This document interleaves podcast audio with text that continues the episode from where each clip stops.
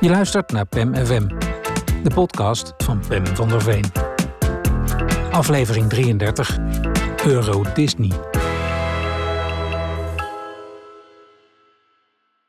Op de heetste dag van het jaar gaan wij naar Disneyland Parijs. Als we om 11 uur ochtends naar de ingang lopen, staat het kwik al op 34 graden. Mijn man wijst op een jong stel voor ons. Hij met een tattoo van Mickey Mouse op zijn kuit, zij met Minnie Mouse op haar enkel. Na zich vergaapt te hebben aan het paleis van Doornroosje wil onze dochter Melan naar de Frozen Singalong Show. Die wordt opgevoerd op een podium van wit peurschuim dat de illusie van een sneeuwlandschap wekt. Een groep slordig playbackende dansers jast de liedjes uit Disney's grootste kaskraker ooit er in hoog tempo doorheen. Bij de hit Let It Go daalt de kunstsneeuw op ons neer en zingt Melan uit volle borst mee. Ondanks alles pink ik een traantje weg.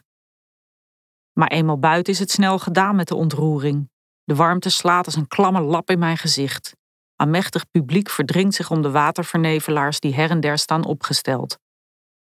In het onderaardse piratenschip krijgen we enige verkoeling, maar daar vindt Melan het veel te eng. Ik wil hier weg, jammert ze, terwijl we langs rammelende skeletten, helse kerkers en blikkerende zwaardgevechten varen. Snikkend klampt ze zich vast aan haar vader. Waarom moest ik hier van jullie in? Om het goed te maken gaan we in de ronddraaiende theekopjes van Alice in Wonderland.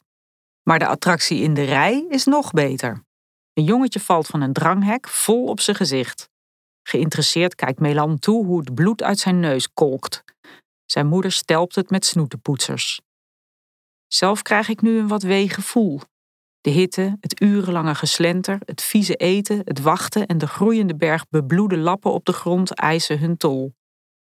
Maar weg kunnen we nog niet. Eerst nog het treintje door Fantasyland, waar mijn zweet zich vermengt met dat van mijn obese buurvrouw. Dan de klim naar de hardplastic boomhut van Robinson Crusoe en het peperdure schminken als ijskoningin Elsa. In de wachtrij voor het prinsessenpaviljoen overvalt me een grote leegte en in de botsautootjes van Cars krijg ik twijfels over de zin van het bestaan.